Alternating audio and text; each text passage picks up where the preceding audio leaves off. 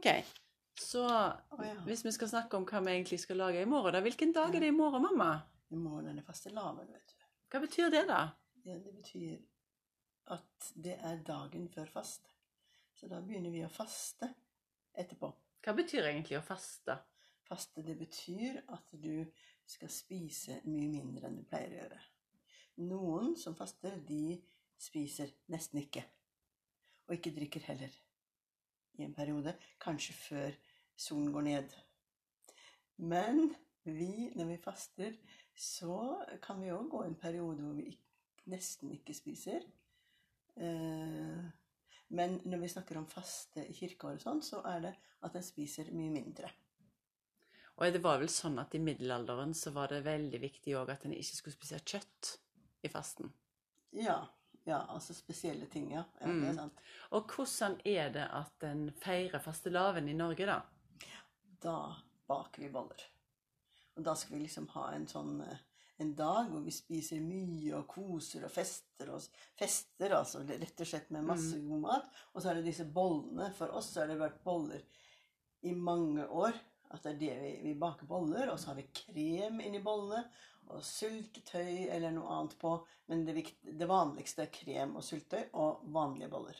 Som en baker selv. Så det er en sånn luksusversjon av boller, altså. Ja, det er det. Og en kan også gå og kjøpe det hvis en ikke kan bake selv. Mm. Så, så har nesten alle bakerier og sånt, og de har også fastelavnsboller. Hvordan er det du gjør når du lager dine spesielle boller for at de skal bli ekstra gode? Altså, jeg har jo en oppskrift uh, hvor jeg lager boller fra.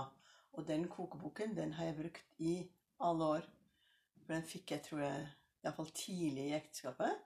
Så den har jeg hatt sikkert i snart i 50 år. Mm. Uh, og der har jeg en oppskrift med boller som jeg har bakt i alle år, som jeg syns er veldig god. Og jeg ser jo stadig at det er ny, litt nye oppskrifter, eller litt nye måter å gjøre på.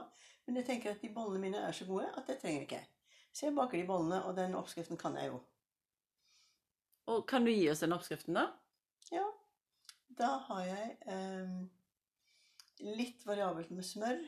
Mm. Hvis jeg baker vanlige boller Jeg kan bruke fra 100 til 150 gram smør. Mm. Så bruker jeg en halv liter melk. Og så bruker jeg 1,8 liter hvetemel.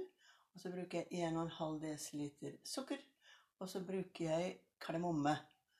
En, det spørs hvor stor deig jeg har, men iallfall én stor teskje Mm. eh, må jeg ha kardemomme. Og det er det. Så boller består Og nei, ja, boller består av hvetemel, melk, smør og jeg bruker selvfølgelig meierismør, for det bruker jeg til all baking. For jeg syns at meierismør er det rette smøret. Det er det smøret som kommer fra det opprinnelige, laget av eh, melk og fløte, som er Ja, derfor liker jeg å lage det. Eh, ja, og så er det litt sukker og litt kardemomme. Og så er det gjær, selvfølgelig. Du må jo ha Mhm. gjær for at det skal heve. Ja.